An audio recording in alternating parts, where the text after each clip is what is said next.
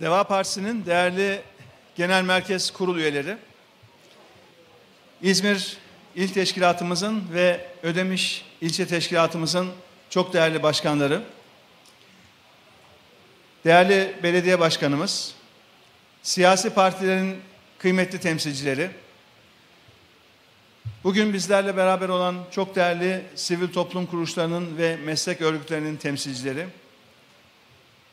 kıymetli teşkilat mensuplarımız, sevgili Ödemişli, İzmirli gönüldaşlarımız, Türkiye'nin farklı illerinden gelip bugün bizlerle beraber olan saygıdeğer konuklarımız, ulusal ve yerel basınımızın kıymetli temsilcileri, ekranları başında ve sosyal medya hesaplarımızdan bizleri izleyen tüm vatandaşlarımız, hepinizi en içten duygularımla selamlıyor. Ödemiş ilçe teşkilatımızın birinci olağan kongresine hoş geldiniz diyorum.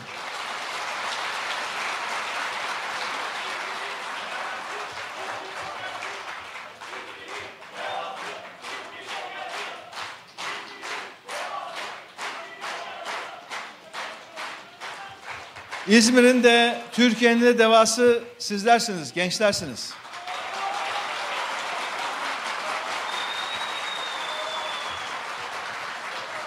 Sözlerimin hemen başında Ödemiş ilçe teşkilatımızda görev almış olan ve görev alacak olan tüm arkadaşlarımızı kutluyor. Kendilerine çalışmalarında üstün başarılar diliyorum. Yaklaşık bir aylık bir aradan sonra ikinci defa güzel İzmir'imizde sizlerle beraber olmakta gerçekten benim için büyük bir mutluluk. Ve biliyorsunuz bugünkü kongremiz İzmir ilimizde yaptığımız ilk kongre aynı zamanda. Şimdiden hayırlı uğurlu olsun diyorum. Sağ olun, var olun diyorum. Değerli arkadaşlarım, bizler yeni bir siyaset anlayışıyla, yeni bir kadroyla yola çıktık. Siyasete ilk defa deva çatısı altında başlayan, ilk defa siyasete adımını Deva Partisi ile beraber atan çok sayıda arkadaşımızla beraber, tecrübeli arkadaşlarımızla da beraber omuz omuza vererek bu yola çıktık. Türkiye'de siyaset Deva Partisi ile yepyeni bir soluk kazandı. Kurulduğumuz ilk günden bir yana özgür ve zengin bir Türkiye tasavvuru ile çalışmalarımızı sürdürüyoruz. Hem özgür hem de zengin bir Türkiye istiyoruz. Geldiğimiz aşamada bu çalışmalarımızın en önemlisi iktidara büyük bir özgüven ve ciddiyetle hazırlanıyor olmamızdır. Bildiğiniz gibi Deva Partisi kısa bir süre içerisinde çok önemli farklar ortaya koydu. Teşkilatlanma çalışmasını yakın tarihimizde hiçbir siyasi partinin yapamadığı kadar hızlı götürüp kurulduktan hemen 8 ay sonra seçimlere girmeye hak kazanan bir siyasi parti oldu Deva Partisi. Mart ayında kurulduk. Kasım ayı geldiğinde seçimlere girmeye hak kazanmış olduk. Bu seçimlere girme hakkını doğal yollardan, organik yollardan bu kadar kısa bir süre içerisinde kazanan başka hiçbir siyasi parti olmamıştı Türkiye'de. Bu Deva Partisi'ne ne kadar büyük bir ihtiyaç olduğunu, vatandaşlarımızın Deva Partisi ile ilgili ne kadar güçlü bir talebi olduğunu bize gösteriyor. Bir başka konu değerli arkadaşlarım, biliyorsunuz ülkemizdeki yaygın muhalefet anlayışı sadece eleştirmekle kalıyor. Yani sorunları şikayet etmek. İyi de bizim vatandaşımız zaten sorunları biliyor, yaşıyor. Biz çiftçimize dönüp senin sorunun şudur diye anlatmamızın bir faydası yok. Biz kuşkusuz problemleri bileceğiz. Sorunları bizzat yaşayanlardan dinleyeceğiz. Ama bizim asıl farkımız ne biliyor musunuz? Çözüm üretmek, çözüm. Ülkenin problemlerini sıralayıp çözüme gelince iktidar olunca konuşuruz onları diyen bir siyasi parti değiliz biz. Biz sadece sorunları doğru tespit etmekle yetinmiyoruz. tek tek çözümleri de üretiyoruz. Biliyorsunuz siyasetin bir laf üretme kısmı var. Bir de iş üretme kısmı var. İş. İşte biz iş üretiyoruz. Neyi nasıl yapacağımızı, ne kadar sürede yapacağımızı bütün açıklığıyla ortaya koyuyoruz. Ayağı yeri basan, sağlam, tutarlı, uygulanabilir eylem planlarımızı vatandaşlarımıza paylaşmaya başladık. İktidarımızın ilk 90 ve 360 günde yapacaklarımızı şimdiden hazırlıyoruz ve vatandaşlarımıza paylaşıyoruz. Bu kapsamda yaklaşık 20 ayrı başlık altında 400'ün üzerinde eylemimizi hazırladık. Eylem planlarımızı hem belli bir takvime bağlıyoruz hem de bu eylemlerin hesabını, kitabını, bütçesini yapıyoruz. Ondan sonra ortaya koyuyoruz. Öyle boş konuşmak bizde yok. Atıp tutmak yok. Ne söylüyorsak analizini iyi yapıyoruz. Dersimizi iyi çalışıyoruz. Ondan sonra konuşuyoruz. Bakın ilk eylem planımızı Adana'da açıkladık. Tam iki hafta önce. Daha sonra Mersin ve Konya'yı da kapsayan bir programla tarım politikaları konusunda seçimlerden sonra kurulacak hükümetin ilk 90 günde ve ilk 360 günde neler yapacağını tam 56 maddeyle sıraladık. Böyle bir çalışma şu ana kadar hiçbir siyasi parti yapmadı bakın. Böyle bir şey yok Türkiye'de. İktidar partilerine bakıyoruz. Onlar kendi dertlerine düşmüş durumda. Bu ülkeyle dertlenmiyorlar. Bu memleketin derdiyle dertlenmiyorlar artık. İktidar partileri tamamen kendi siyasi ikballeri, koltuk, kendi şahsi bekalarıyla meşgul. Onun için çözüm üretemiyorlar. Onun için bu ülkenin problemlerine çare bulamıyorlar. Bakın şu anda Ödemiş'teyiz. Az önce Kiraz ilçemizin ilçe başkanlığının açılışını gerçekleştirdik. Her adımda çiftçimizle karşılaştık. Hayvancılıkla uğraşan üreticilerimizle sohbet ettik. Çiftçimiz çok dertli. Üreticilerimiz çok dertli. Maliyetler almış başını gitmiş.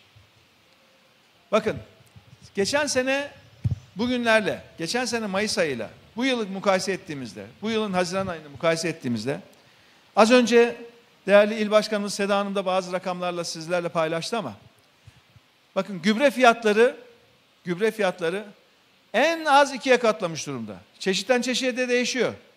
Ama en az ikiye katlamış durumda. Üç katına kadar fiyatı artan gübreler var. İlaç. Bir çiftçimiz pazarda küçük bir poşetin içerisine yarımşar litrelik beş şişe ilaç koymuş. Tarım ilacı. Ya dedi 350 lira para verdim şu ilacı dedi. Ben bu parayı geri nasıl kazanacağım dedi. Bu ilacı dökmezsem de bu ürün olmuyor dedi. Zarar görüyor. Yetişmiyor dedi. Hayvancılıkla uğraşan vatandaşlarımız için yem maliyetleri en az ikiye katlamış, en az ikiye. Geçen hafta Kars'taydık, Ardahan'daydık. Posov, Hanal, Posov, Damal ve Hanak ilçelerini ziyaret ettik. Yüzlerce kilometre öteden baktık saman geliyor.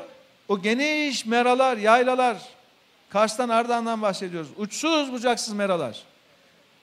Hayvanların yemi yüzlerce kilometre öteden geliyor. Saman, tırlar dolusu saman geliyor. Büyükbaş, küçükbaş hayvanlar öyle besleniyor. Nereden nereye gelmiş hayvancılık? Yine mazot fiyatları. Almış başını gitmiş. Bütün bunların sebebi ne biliyor musunuz? Bütün bu fiyat artışlarının kök sebebi şu andaki hükümetin döviz kurlarını, dolar kurunu, euro kurunu kontrolünü kaybetmesi. Asıl işin özünde bu var. O bir kayıp bakan var ya kayıp bakan, akraba bakan. Ne diyordu? Ben döviz kuruna bakmıyorum diyordu. O gün bugündür de gören olmadı kendisini. Sen bakmıyorsun da çiftçi bakıyor. Mazotut dövizle, dövizle arkadaş mazot. İlaç, ithal, petrokimya, döviz. Gübre, üretimde kullanılan enerji, kimyasallar hepsi döviz. Sen dövize bakmaya bakmaya ne hale getirdin ülkeyi? İşte bizim bugün çiftçimiz, hayvancılıkla uğraşan üreticimiz çok büyük sıkıntılarla karşı karşıya kaldı. Yıl 2018 arkadaşlar, 2018. 2018'in Haziran'da seçim oldu mu? Oldu. 2018 Haziran seçimlerinde ne oldu? İlk defa partili, taraflı bir cumhurbaşkanı görevine başladı. Partili ve taraflı. Hemen arkasından ne yaptı? En yakın akrabasını getirdi, ekonominin başına koydu. O gün bugündür Merkez Bankası'nın tam 130 milyar dolarlık döviz rezervini bunlar çarçur ettiler. Cayır cayır sata sata tükettiler. Merkez Bankası'nın döviz rezervi şu anda eksi 60 milyara düşmüş durumda. Eksi eksi. Cumhurbaşkanı diyor ki geçen hatta herhalde dil sürçmesi bu aralar çok sık dil sürçmesi oluyor gerçi. 100 milyar döviz rezervimiz var diyor. Bir dakika bakıyoruz biz Merkez Bankası'nın web sitesini açıyoruz orada 90 yazıyor. Hadi neyse 90 100. İyi de aynı Merkez Bankası'nı tam iki yılda 150 milyar dolar döviz borcuna soktuğundan niye bahsetmiyorsun? O döviz kadar piyasaya borçlandırdığından Merkez Bankası'nı, o dövizden tam 60 milyar daha fazla borçlandırdığından niye bahsetmiyorsun? Cüzdanını açıyor gösteriyor benim diyor 90 liram var. İyi de o kredi kartlarında 150 lira borç biriktirdiğini niye söylemiyorsun? Üstelik o kimsenin şahsi malı değil. Bu devletin, bu milletin parası o. İki yılda çarçur ettiler ya. Bakın biz te teslim aldığımızda, teslim aldığımızda Merkez Bankası'nın döviz rezervleri arkadaşlar 27 milyar dolardı. Yıl 2002. Ben ekonomiden sorumlu devlet bakanı olarak göreve başladığımda toplam rezerv 27 milyar dolardı. Biz bunu aldık tam 136 milyar dolara çıkarttık. 136 milyar dolar. O döviz rezervleri bizim ihracatçımızın alın teriydi. Turizm sektöründe çalışan aşçımızın, garsonumuzun, temizlikçilerimizin alın teriydi. Tarımsal ürün üretip de ihraç eden çiftçilerimizin alın teriydi. Çarçur ettiler. Ve döviz rezervleri arkadaşlar bir ülkenin dışarıdan gelebilecek ekonomik dalgalara karşı en önemli savunma sistemidir. En önemli savunma sistemi. Döviz rezervi olmayınca, eksiye düşünce dünya piyasalarından, finansal piyasalarından gelecek akımlara karşı korumasız kalırsınız. Döviz rezervi bunun için biriktirilir. Ak akçe kara gün içindir. Atasözü değil mi? Ak akçe kara gün içindir. Bunlar döviz rezervini tüketti. Arkasından ne yaptı? Merkez Bankası'nın yedek akçeleri vardır, yedek akçeleri. Her sene bunlar biriktirilir. Tam 65 milyar TL'lik 65 milyar TL'lik yedek akçe. Bir günde sıfırladılar. Bir günde harcayıp bitirdiler. Yıllarca biriktirmiştik biz onu, yıllarca. Ve bütün bunların hepsi pandemi öncesinde oldu bakın, pandemi öncesi. Daha salgın hastalık Türkiye'ye gelmeden ülkenin kaynaklarını çarçur ettiler. Salgın hastalık gelip vurunca da bu pandemiyle ilgili vatandaşımızın katlandığı maliyeti, çektiği sıkıntıyı hafifletecek ellerinde kaynak kalmamıştı. Bunun için bizim esnafımız çok büyük problem yaşadı. Bunun için bizim çiftçimiz çok büyük problem yaşadı. Bunun için emeklimiz, dar gelirlimiz satın alma gücü düştü. Bunun için gençlerimiz işsiz kaldı. Bunların hepsini biliyoruz. Fakat maalesef, maalesef şu anda ülkeyi yönetenlerin bu ülkenin gerçeklerinden tamamen koptuğunu görüyoruz. Geçenlerde Sayın Erdoğan ne diyor? Ya açlık mı var diyor. Aş varsa diyor biraz da siz doyuruverin diyor. Ben 50'den fazla ile gittim. Gittiğim her ilin merkezinde konteynerlardan, çöplerden toplayan, gıda toplayan, yiyecek toplayan vatandaşlarımızı bizzat gördüm. Dünya Bankası'nın bütün raporlarında Türkiye'de artık mutlak yoksulluk var, mutlak yoksulluk. Biz bunu sıfırlamıştık. Türkiye'de mutlak yoksulluğu biz tamamen sıfırlamıştık. Ve maalesef bunlar Türkiye'ye mutlak yoksulluğu tekrar getirdiler. Şu anda bakıyoruz hızla artıyor ülkede yoksulluk. Zengin daha zengin oluyor, fakir daha fakir oluyor. Fakat ülkeyi yönetenler etrafındaki böyle 3-5 tane zengini sürekli gördükleri için onlardan başka kimseyle artık görüşmedikleri için bu ülkenin gerçeklerinden kopmuş durumdalar.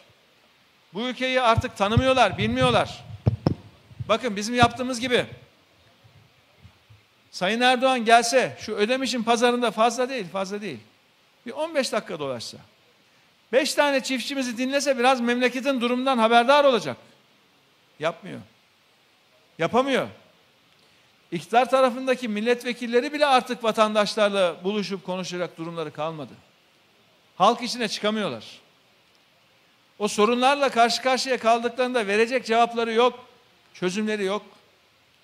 İşte ülkemiz maalesef bunun için bu durumda şu anda. Değerli arkadaşlarım, gerçekten Türkiye her alanda büyük zorluklar yaşıyor. Biz vatandaşlarımızın sorunlarına kulak vererek partimizin çözüm önerilerini anlatmayı ilki olarak kendimize edindik. Farkımızı apaçık ortaya koyduk. Çünkü bizim gündemimizde Türkiye'nin yakıcı sorunlarına acil ve somut çözümler üretmek var. Bizim gündemimizde boş sloganlardan, hamasetten, polemiklerden uzak durup tüm mesaimizi ülkemizin sorunlarını çözmeye ayırmak var. Sorunları görüyoruz, biliyoruz. Milletimizle konuşuyoruz ve çözümlerimizi sunuyoruz. İşte Deva Partisi'nin farkı bu arkadaşlar. Deva Partisi'nin farkı bu. Bakın, tarımla ilgili eylem planımızı ortaya koyduk. 56 madde, hepsini burada sıralayacak değilim. Ama çok önemli birkaç tanesini hemen sizlerle paylaşayım. Hükümetin ilk 90 gününde, seçimlerden sonra kurulacak ilk hükümetin ilk 90 gününde.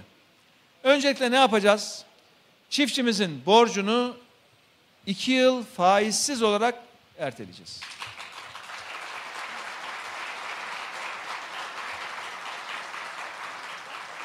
İlk taksit iki yıl sonra başlayacak. Bunlar ne yapıyor? Yapılandırıyor. Eski taksitlerin üzerine bir taksit daha biniyor. Ya zaten eski borcu ödeyemiyor. Zaten sıkışık. Traktörün aciz gelmiş, tarlasına aciz gelmiş. Bunu ötelemek gerekiyor. Ve değerli arkadaşlarım, çiftçimizle ilgili haciz işlemlerini kaldıracağız. Bazıları böyle ben bunları söyleyince diyor ki ya nasıl yapacaksınız? Bu arkadaşınız tam 11 yıl Türkiye ekonomisinin başında oldu. Ziraat Bankası tam 11 yıl benim ilgilendiğim kuruluştu. Bağlı kuruluş değildi ama ilişkili kuruluştu. Yani Ziraat Bankası ile ilgili bir çerçeve karar gerektiğinde hükümet adına ben ilgileniyordum. O dönemde çiftçi borçlarımızın tam yüzde 99'u tam ve gününde ödeniyordu arkadaşlar bakın. Gününde borcunu ödeyemeyen çiftçimiz yüzde birdi ya yüzde bir. Traktöre haciz yoktu. Tarlaya haciz yoktu. Herkes hayret ediyordu bu nasıl böyle oldu? E biz biliyoruz ki çiftçimiz dürüst. Borcuna sadık. Yeter ki maddi imkanları olsun. Yeter ki ürünü para etsin. Yeter ki biraz para kazansın. Bugün çiftçinin zarar etmesi çiftçimizin suçu değil. Çiftçimizin yaptığı hata değil. Çiftçimizin zarar etmesinin tek sorumlusu var. O da bugün ülkemizi yönetenler, başkası değil.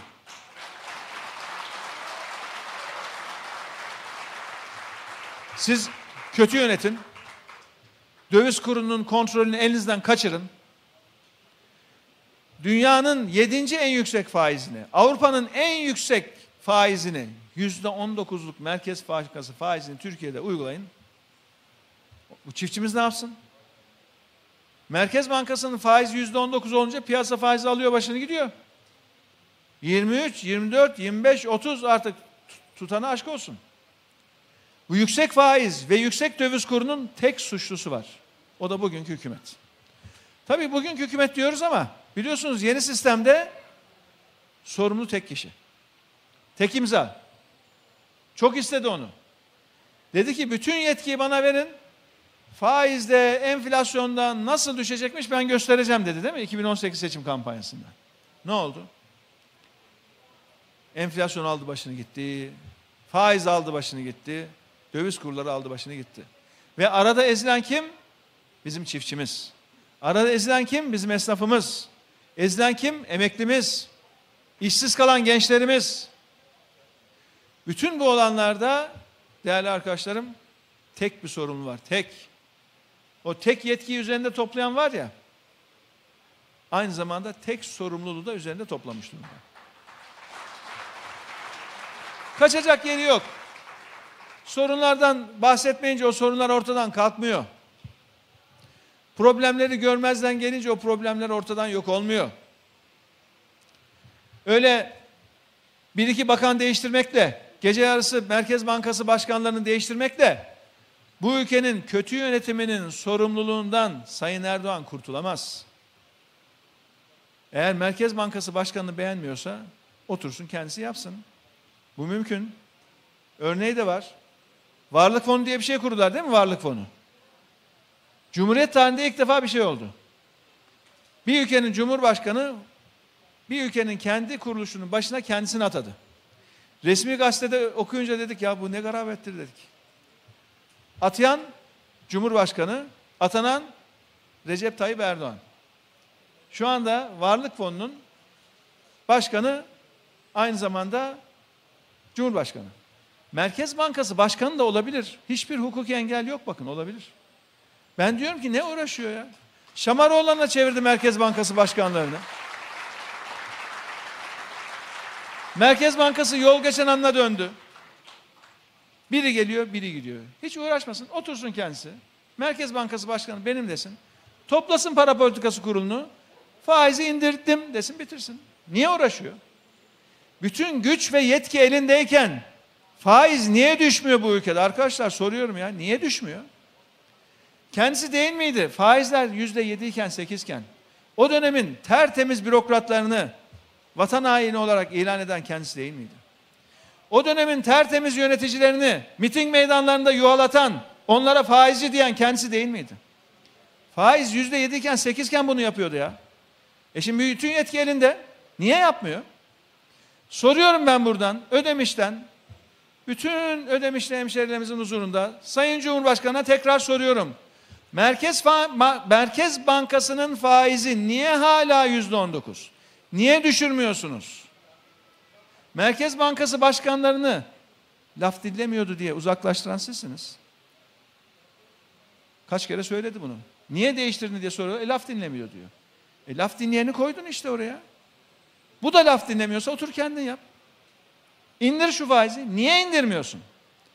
Eğer bugün faiz inmiyorsa, faiz yüzde on dokuzdaysa Merkez Bankası'nın faizi, bunun tek yetkilisi de, tek sorumlusu da Cumhurbaşkanı'nın kendisidir. Sorumluluğu başka hiçbir yerde aramayın. Niye inmiyor? İndirsin. Ha, indiremiyorum. Yüksek faiz gerekiyor diyorsa da çıksın bunu açıklasın. Açıkça söylesin bunu. Yüksek faiz gerekli diye açıklasın. Gerekmiyorsa da indirsin. Niye yapmıyor? Bakın ellerine almışlar bir propaganda makinesini. Bütün vatandaşlarımızdan topladıkları vergilerle şu yanan elektriğin üzerindeki TRT payı var TRT. TRT payını topluyorlar ve devletin kanallarına, devletin ajanslarına sadece ve sadece iktidar partisinin propagandasını yaptırıyorlar. Devlet bankalarının imkanlarıyla gidiyorlar, özel basın yayın kuruluşlarını satın aldırtıyorlar. Yine bu devletin milletin parasıyla yapıyorlar bunu. Ondan sonra sadece tek bir partinin propaganda aleti gibi kullanıyorlar. Gerçekleri saklamaya çalışıyorlar. Oysa milletimiz uyandı artık. Bunu saklayamazsınız. Milletimizin artık gönlü açık, gözü açık, ufku açık. Saklayamazsınız. Bakın değerli arkadaşlarım. Ziraat Bankası kredilerinden bahsettik. Eylem planımızın en önemli maddelerinden birisi. Bir başka konu. Mazottaki öteve. Biz mazottaki öteveyi çiftçimize aynen iade edeceğiz. Gübre. Gübre maliyetinin yüzde ellisini, tam yarısını devlet olarak biz karşılayacağız. Yem. Yem çeşit çeşit. Ancak yemde de yüzde elliye varan desteklerle çiftçimizin yanında olacağız. Değerli arkadaşlar, bir başka önemli sorun tarımda kuraklık.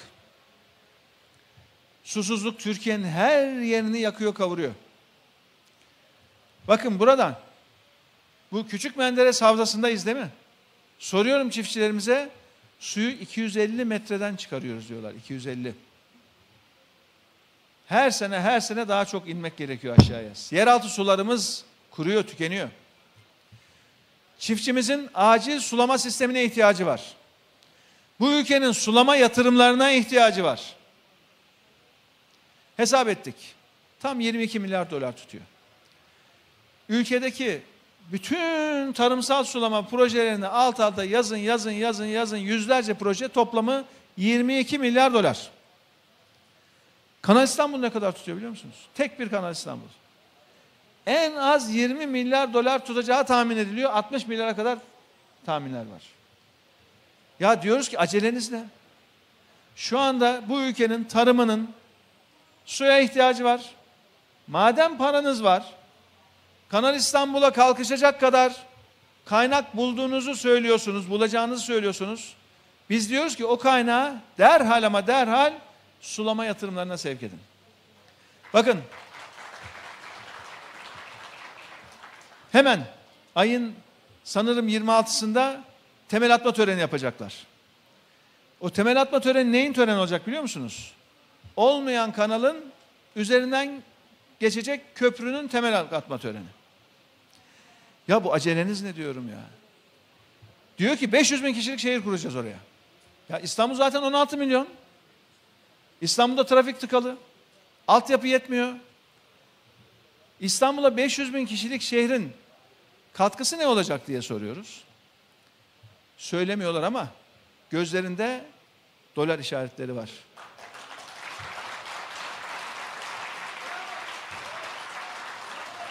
Rant var, rant. Ya bir emsal değişikliğinden bir AVM şöyle 200 konuttan ne rant çıkıyor? Bir AVM 200 tane konut. 500 bin konutluk projeden ne rant çıkan ne rantı. Oo neler neler neler. Kim bilir kimler paylaşacak onu. İnanın sırf bu. Başka bir sebebi yok. Başka bir rasyonelitesi yok bunun. Ve maalesef değerli arkadaşlar bu rant paylaşanlar var ya rant paylaşanlar. O hukuksuzluk yapanlar. O suç, suç örgütleriyle, mafyayla, o çetelerle işbirliği yapanlar var ya, işte son yayınlanan videolardan bakıyoruz. Konuşulan bütün paralar ya euro ya dolar. Hiç Türk lirası geçmiyor bunların dünyasında. E, memleketi parsel parsel çete, mafya, suç örgütleri arasında paylaştırın. Hatta onlar birbiriyle paylaşamaması sebebiyle işte kimi hapisten çıkıyor, kimi yurt dışına çıkıyor, öbürü geliyor, gidiyor falan. Sırf bu da yine paylaşma ama bütün konuşulan rakamlar euro dolar siyasetçilerin aldıkları iddia edilen maaşlar, rakamların hepsi dolar, euro. Hani millilik? Hani yerlilik? Ya bizim milli paramız, yerli paramız Türk lirası değil mi? Ne oldu milli paramıza, yerli paramıza? Kendileri de biliyor. Milli paramızı, yerli paramızı pul ettiler. Kendi aralarındaki işleri hep dolarla, euro ile yapıyorlar. Bunu görüyoruz, öğreniyoruz. E bizim emeklimiz ne diyor? Geliyor ya bir emekli maaşımla diyor ben altı tane çeyrek altın alıyordum. Şu anda üç çeyrek altın alamıyorum diyor. Sabit gelirli vatandaşımızın durumu bu. Sabit gelirli vatandaşlarımızın, işçimizin, emeklimizin maaşı sadece TÜİK'in makyajlanmış enflasyonu oranında artıyor. TÜİK ne diyor enflasyona? Resmi açıklanan enflasyon yüzde on altı en son. Tüketici fiyatındaki enflasyon. Peki çarşıda pazarda yaşanan enflasyon ne? Ben şimdi burada Ödemiş'te sizlere sorayım. Burada üreticilerimiz de var. Çarşı pazar alışveriş eden, evinin alışverişini yapanlar da var. Hayvancılıkla uğraşan üreticilerimiz de var. Ben şimdi sorayım. Çarşı pazarı dolaştığınızda karşılaştığınız fiyat artışları yaklaşık ne kadar yıllık? Ben şöyle bir sorayım. Yüzde söyleyin. Yüzde kaç enflasyon görüyorsunuz? Yüzde yüz. Başka? 300. Üreticilerde maliyetler böyle biliyorum. E, gıdaya bakıyorsunuz. Gıda alışverişi için markete, pazara, çarşıya çıkan vatandaşlarımız yüzde 40 diyor. 50 diyor. 60 diyor. Ama TÜİK 16 açıklıyor. Emeklinin maaşı da o yüzde 16 açıklanan enflasyona göre artıyor. O da yıllık ha, yıllık. 6 ayda bir tabii daha düşüyor rakam. Türkiye'nin hali bu. Değerli arkadaşlar, bütün bunların çözümlerini önemli ölçüde hazırladık. Çözüm için çalıştığımız konular var. Ama ben şunu açıkça söyleyeyim. Bu ülkenin bu ülkenin bütün sorunlarının mutlaka çözümü var. Bu ülkenin her derdinin mutlaka devası var. Buna emin olun. Buna emin olun. Tabii sorunlar çok. Sorunlar çok ama ülkemizin sorunlarının temelinde ne var biliyor musunuz?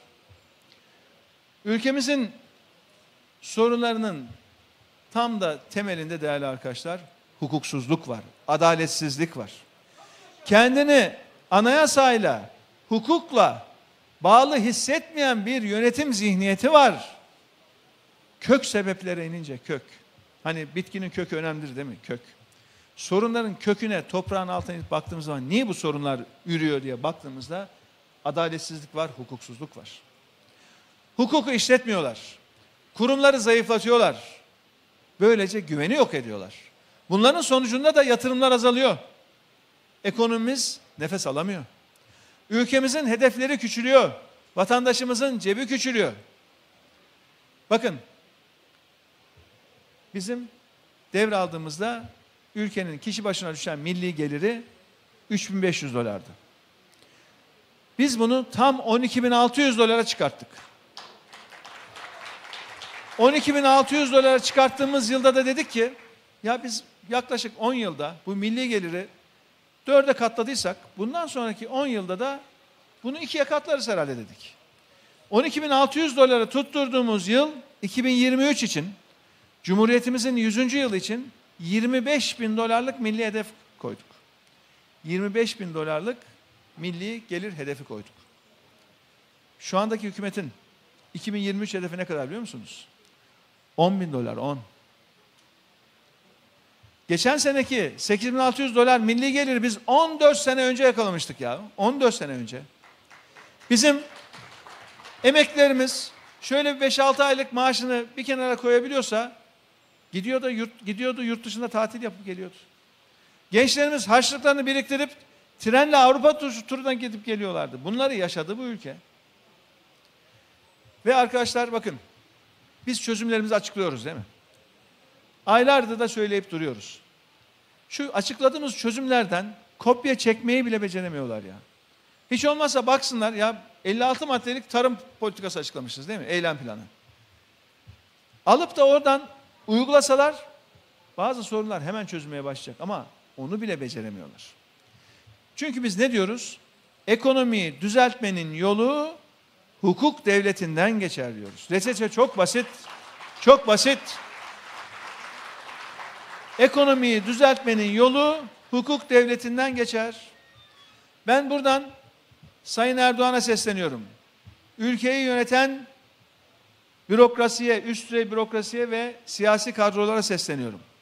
Herkes, herkes şöyle masasının üzerine, duvarlarına önce büyük harflerle bunu bir yazdırsın. Büyük puntolarla. Desinler ki ekonomiyi düzeltmenin yolu hukuk devletinden geçer. Her gün sabah akşam bunu tekrar etsinler. Ancak öyle öğrenecekler yani. Çünkü bir defa kopya çekmekle yapamıyorlar. Çünkü tembel öğrenci kopya çektiğinde unutuyor gidiyor. Masanın üzerine yazın, duvarlara yazın ki diyoruz hukukun önemini. Bunu unutmayın diyoruz. Hatta yanlarında çalışanlara da desinler ki ya sen bana arada bir hatırlat. Ekonomiyi düzeltmek istiyorsak, ekonomi krizi aşmak istiyorsak bunun yolu hukuktan geçer diye. Gerçekten arkadaşlar çok sıkıntılı bir durumdayız. Çok. Ve maalesef, maalesef yapmıyorlar. Neden biliyor musunuz? Çünkü artık bunların hakla, hukukla işi kalmamış.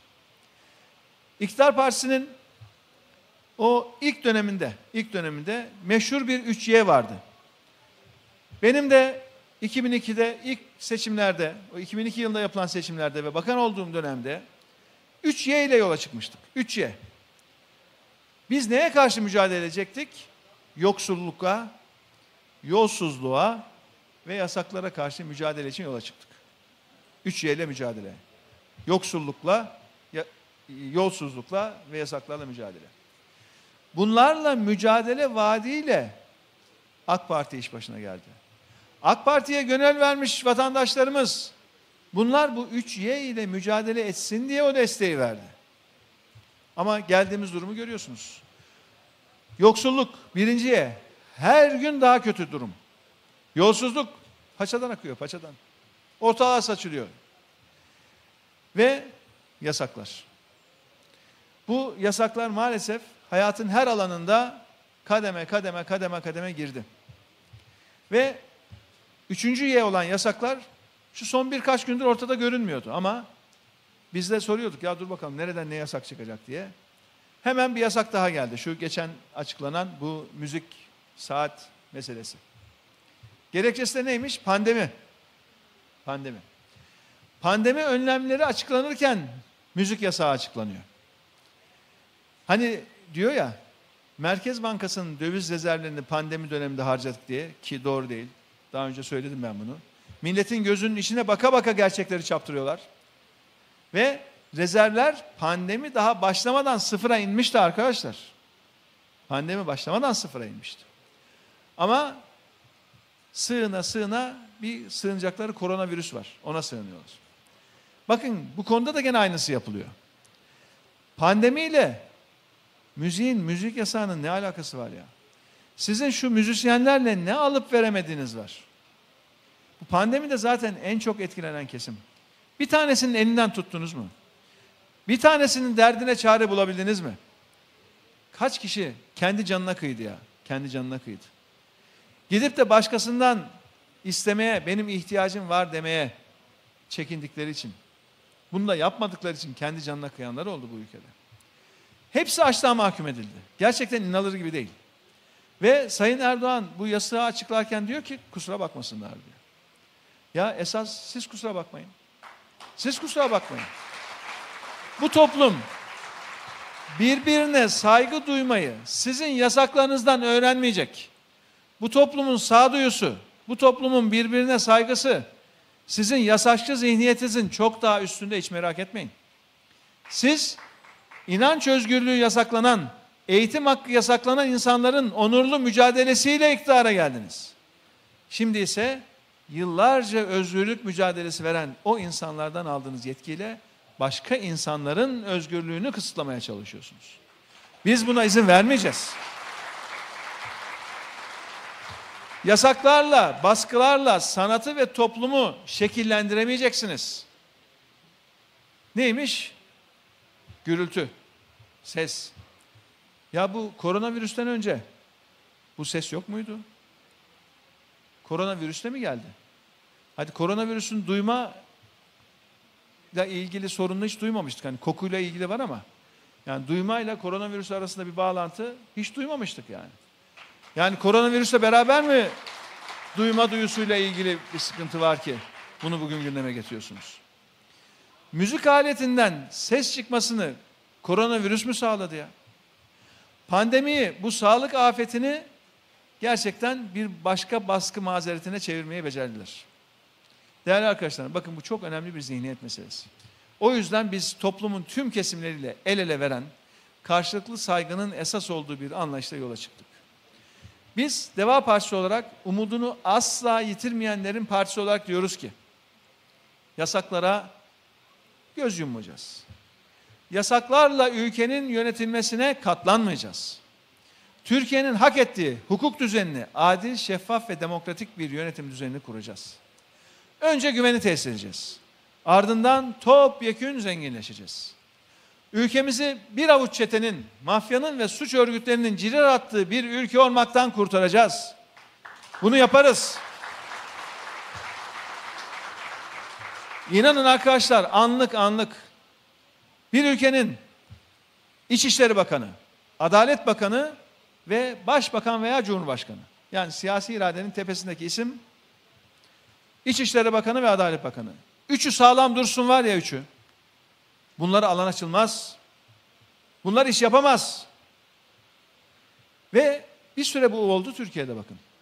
1990'larda yaşamıştık. Mafya, suç örgütü, çete.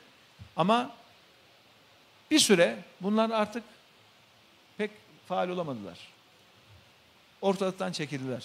Alanları daraldı. Ama şimdi yeniden dirildiler. Geniş bir alan açıldı bunlara. Biz önce hukukun üstünü test edip ardından da hemen ekonominin çarklarını döndürmeye başlayacağız.